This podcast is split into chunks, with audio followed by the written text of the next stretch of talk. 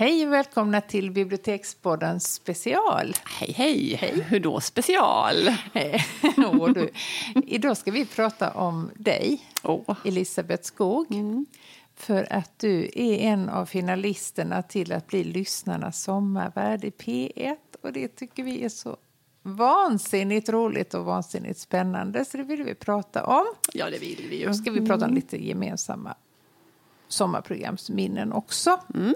För det är ju så att Sommar i P1 är en institution och det känns som att det har funnits alltid. I alla våra dagar. Ja, och det har det mm. kanske i våra dagar, men inte i våra förfäders dagar. Det var Tage Danielsson som instiftade detta någon gång på 60-talet. Mm. Och det har blivit en sån hejdundrande succé och en institution. Alla relaterar ja. till sommar och man pratar väldigt mycket om det. Har du tänkt mm. på det? Ja, men det har, ja absolut. Eh, och kommer du ihåg att i början var det så att det var det vissa speciella personer som fick ha det första programmet. Ja. Och för, och för att inte prata om det sista. Det, det var, var han, var, vad hette han, Ulvskog? Nej, Nej. U Lars Ulvenstam.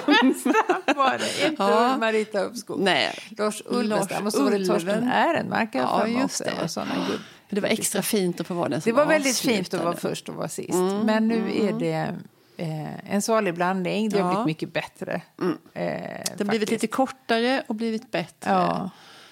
Um, Men du, hur, eh, ja. hur kom det sig att du eh, dels eh, blev en av finalisterna? Mm. Nej, men så här, sen åtta år tillbaka så har de kommit på någonting som de kallar för lyssnarnas sommarvärld. Mm. Och då får kreti och pleti, vanligt folk, mm. eh, man får ringa in ett förslag på hur ens första fem minuter skulle låta av ett tänkt sommarprogram. Det är väldigt listigt att de låter dig ringa. Mm. Där sållar de ut alla, alla talfel. talfel, skumma dialekter, inte ja. vet jag. Nej.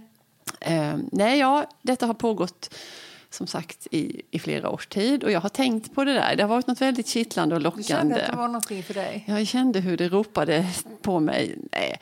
Eh, men så har jag också glömt bort det, förträngt det, missat det. Det, det är några veckor där på vårkanten ja. när detta kan ske. Och flera gånger så har jag kommit på det för sent. Mm. Um, men nu var tiden mogen. Men nu var det moget för detta. Ja. Och ditt ämne är så himla spännande. Mm. Du ska prata om vad då? Jag ska prata om ensamhet. Mm. Nej, men det tänkte jag att om jag nu det har du tänkt hela tiden? Nej, det har jag inte. Men när jag, när jag nu kom på att, att jag var ute i en god tid och att möjligheten fanns, då, ja, men då ville jag inte prata om min barndoms somrar eller min lyckliga uppväxt. Nej, Utan, tråkigt. Ja, jättetråkigt. Um, nej, men då, ville jag, ja, då ville jag välja ett ämne som på något vis var allmängiltigt, som alla kan relatera till. Och så men så är det också lite tabu det här med att vara ensam. Ja. Det är ju det sista tabuet. Jag tror nästan det. Faktiskt. Ja, det är mycket som är okej nu för tiden som inte har varit det innan. Men att vara ensam är... Och det ska inte handla så himla mycket om, om mig själv allmänt.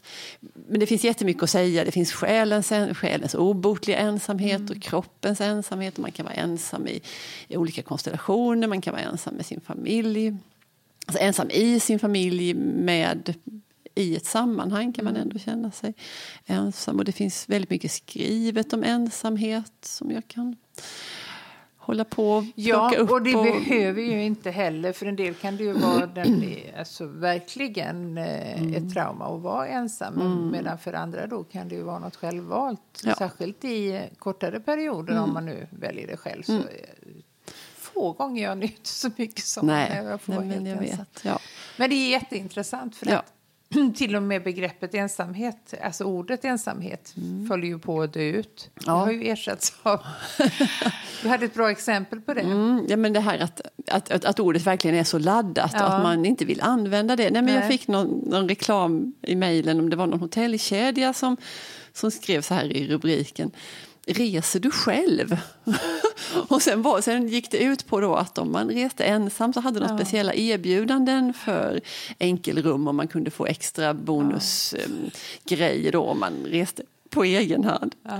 Men reser du själv, det får ju liksom någon konstiga... Nej, det, det, är inte synonymt med ensam. Nej. Eh, för det är ju att man har någon assistans i vanliga fall. Ja, ja. Nej, jag kan gå själv. Ja, nu ska jag mm. gå själv till affären. Mm. mm nej, men, ja. Jättekonstigt. Men det, måste, det hänger såklart ihop med någon skräck för det ordet. Ja. Um, det, finns det vill en... man inte då i en reklambroschyr associeras med någonting som Nej, det blir är obehagligt. Så det klickar man ju bort på en gång. Ja. Man, usch, ja. ja, vem vill vara den Nej. som det riktar sig till. Det finns en amerikansk... Men själv, det är också indikerat, det är ju någon, det är liksom lite handlingskraft och mm. dådkraft. Ja, och, absolut. Eh, ja, men så kan själv, det är ju som små barn som just har lärt sig Precis. en färdighet. Så, eh.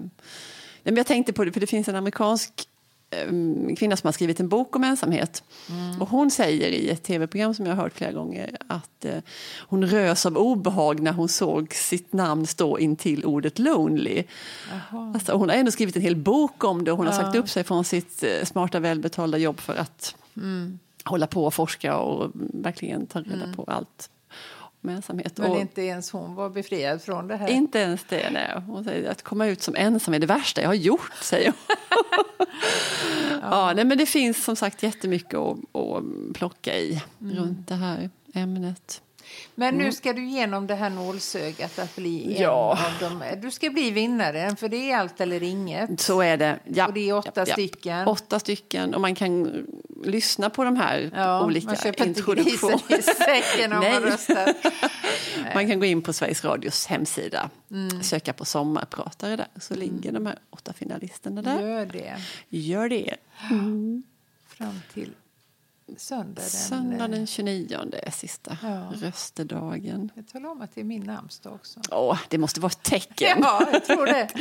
Gott Men tecken. du, eh, vi har ju starka eh, minnen förknippade med mm. det här programmet, precis mm. som säkert hela övriga svenska folket. Mm. Har du någon sån här riktig godbit som du kommer ja, ihåg? Nej, men, behag, eller Ja, jo men flera. Eh, jo men för det är ju så fantastiskt det här att de nu finns, att alla, många sommarprogram finns ju att lyssna ja. på i efterhand och det måste ju ha ökat både intresset ja, och lyssna. Ja, ja, ja. Det, det har alltid varit stort men sen poddmöjlighet eller eh, vad heter det? Jo, det heter ja, men de kallar det för ja, ja. att man går in på Sveriges Radios ja. arkiv. Och, jag blir lite sinnesförvirrad här. Ja, ja, men det gör inget. Nej, men, men, att det har verkligen eh, ökat. Eh, ja, för det var ju så himla kämpigt då förr i tiden. Man var tvungen att kolla, man skulle ha med sig transistorn för man skulle lyssna klockan två och man var på stranden och det blev sand i maskineriet. Ja, det var mottagning också, ja, man fick eh, mecka med den här antennen. Ja, visst. Oh, ja. Svinjobbigt och tog batterierna slut. Och, ja. Men så är det ju inte nu längre. Nej, det är bra. Det är bra. Jo, nej, men då skulle jag säga det att jag, jag var helt upptagen av Kristina Lungs sommarprogram som verkligen var annorlunda. Mm. Och eh, otroligt välformulerade. Såklart att jag för mig att jag spelade in dem med min kassettbandspelare. Ni unga lyssnare får googla på detta, kassettbandspelare. Eh, och för att jag var tvungen att höra på dem om och om igen. Ja. Alltså, jag tyckte de var så väldigt bra. Men det var slutet på 80-talet, början på 90-talet. Hoppas att de finns kvar i mm, arkivet. Mm, jag tror att de gör mm. det. faktiskt. Men vi har också lite nyare favoriter. Mm. Mm, säg någon, Jeanette, som du har ja, vi gillat. har flera stycken. Ja. Eh, förra sommarens, eh, som faktiskt var ett väldigt bra eh, år. Sommarår, ja. Ja, det var det. Mm. För det tycker jag kan vara lite ibland jag är inte så intresserad av idrottsstjärnor och sånt där till exempel. Och då är det ibland att det många som går bort. Men förra året var eh, poeten Athena Farrokhzad ja, just. det årets stora behållning. Mm. Och det var jag. Hon blev väldigt både hyllad och hatad för mm. att det sommarpratet var det årets mest, eller alla års mest eh, radionämndsanmälda. Mm. På grund av att hon hade starka politiska mm, åsikter mm, som hon var smart nog att inte uttrycka själv utan hon la den, dem i olika författares munnar. Hon citerade Ja, hon citerade ja. Bertolt Brecht och Karl Marx mm. och eh, hon spelade Grön. Eh, det var väl den som föranledde de här anmälningarna framför allt. Mm. Häng Gud. Kanske vi blir anmälda. Oj. Oj. Men det skulle nästan vara fjäder eh, Starkt politiskt laddat men med ett oerhört eh, hon är ju en van estradpoet mm. och det märks väldigt tydligt. Det är också väldigt viktigt, det är inte bara att ämnet är Nej. bra utan att framförandet ja. eh, är också av största mm. vikt. Och då har jag en paradox till eh, alla de här bra framförande som har fastnat i minnet just därför. Mm. Och det var Fredrik Wadling. Jag vet. Du vet. Ja, jag vet. Urdåligt. Eh, han var helt oförberedd. Det var helt uppenbart att han inte hade något manus. Han visste nog säkert inte vad han skulle prata om. Men han inför och kommer väl då in i studion och drog poänglösa skämt som han skrattade högljutt och hjärtligt åt själv. Eh, men i och med att han är Freddy Wadling, man, då är man förlåten det mesta. Han kommer undan med det. Ja, ja. men det är för att du tycker om, ja, men du, Är det för att du tycker om honom såklart? Eller... Gör man inte det så tror jag inte att man lyssnar, för det fanns Nej. inget värde i att lyssna som ett sommarprat. Men han är... Han skulle inte kunna göra det på ett annat sätt. Nej. Det kan han inte. Eh, och han är en ikon och han är, är som sagt förlåten mm. precis allting så länge han finns. Ja. Tycker det var jag. fint sagt. Ja, det var fint. Ja, det var fint sagt. Han är fin. Ja. Ska jag säga några favoriter nu? Ja. ja. Men då tyckte jag att Bea Usmas program mm. var så otroligt med. bra. Jag hörde det flera gånger mm. för att det var så superintressant och hon var rolig och smart och ehm, ja, Ja. Mycket bra. Bra musik, bra alltihopa. Alltihop var bra. Hon är så fruktansvärt intressant. Vi har ju varit upptagna av henne väldigt ja, länge. Det går aldrig över riktigt. Nej. Och det är ju framförallt eh, hennes passion för André-expeditionen. Ja. Väldigt otippat att man ska ryckas med av det, mm. men det, det går inte att låta bli. Nej, det går inte. Nej, hon var bra. Hon var jättebra. Eh. Och Liv Strömquist, jag kommer inte ihåg om det var samma år eller om det var... Kan det ha varit? Kan det ha varit, ja. Mm. Två år sedan. Säg att det var två år sedan. Typ, vi säger det. Mm. Hennes program var också jätte, jättebra. Hon pratade mycket om det här liksom, tävlingssamhället och att man ska konkurrera med varandra hela tiden. Och, och gjorde klara mm. kopplingar till det här idolfenomenet. Um, så säger hon någonting med att, att vi har alla en inre Laila Bagge som sitter på vår axel. Vi, vi är så stränga ja. domare mot oss själva. Ja, mm. som är skoningslös hela tiden. Så vi, vi behöver verkligen inte det här att ha en omgivning som hackar ner på oss. Um, Nej, ja, jätteintressant. Spännande. Vissa, jag kommer ihåg jag var helt trollbunden av en episod som hon berättade om ifrån sin ungdom när hon mm. hade kommit på att hon ville testa en sak, eh, syssla med dramatik där hon mm. var typ tonåren. Eh, och det var så, hon berättade så spännande så att, ja. ja. Intressant person. Verkligen. Mm, så det var väl två av mina Sen har jag faktiskt lust att säga någon som jag inte har gillat också. Får vi göra mm, det? Ja. ja. Jag tyckte Lena Olin var så tråkig så jag bara höll på att smälla av. För det var just, det får ju inte vara för mycket lycka. Nej. eh, för hon var så himla nöjd med sin man. Hon verkligen älskar honom och det är ju underbart för dem. Och hennes mm. barn var sällsynt både begåvade och snygga och gjorde ballettkarriärer helt otippat. Och, mm. Nej, men så himla ointressant. Alltså jag kan tänka mig att kan ha eh, sin förklaring att hon har bott i USA väldigt länge. Mm. Ja, för jag inbillar mig, säkert en fördom, mm. men jag håller fast vid den, att man är mycket mer mån om att måla upp en yta. Det förväntas av dig i USA att du ska liksom... Mm. Det är en fasad och den bjuder du på. Ja. Men du släpper inte in något djupare. Jag vet inte. Eller så. också är hon sån. Ja, ja, ja. Men jag kommer ihåg ett eh, fantastiskt sommarprogram för hur många år sedan som helst. Eh, och det fantastiska med det, det var Henrik Schyffert som eh, pratade. Och han gjorde en parodi på alla Just sommarprogram. Ja. Eh, han spelade bara eh, musik som väldigt ofta spelas. Ni vet... Eh, Eh, turistens, kla ja. turistens klagan, Cornelis Vrees, de gulliga skrattande barnen. Precis, den, den ligger nog i topp. Måste... Eh, och även Rod Stewart, I am sailing. Eh, ja, bara den här ganska banala eh, ja. mainstream-musiken. Och mm. sen pratade han om på exakt samma sätt som mm. alla då gjorde under den här, framförallt under den här perioden, mm. måste varit på 90-talet. Det var mycket sommarminnen. Mycket sommarminnen, mycket och Barndom. helt eh, en grov parodi. Mm. Och det mm. värsta, eller det bästa, hur man nu ser det av det, att det var väldigt många som inte uppfattade det som parodi. Att man tyckte tvärtom att det var ett väldigt fint... Svinbra program.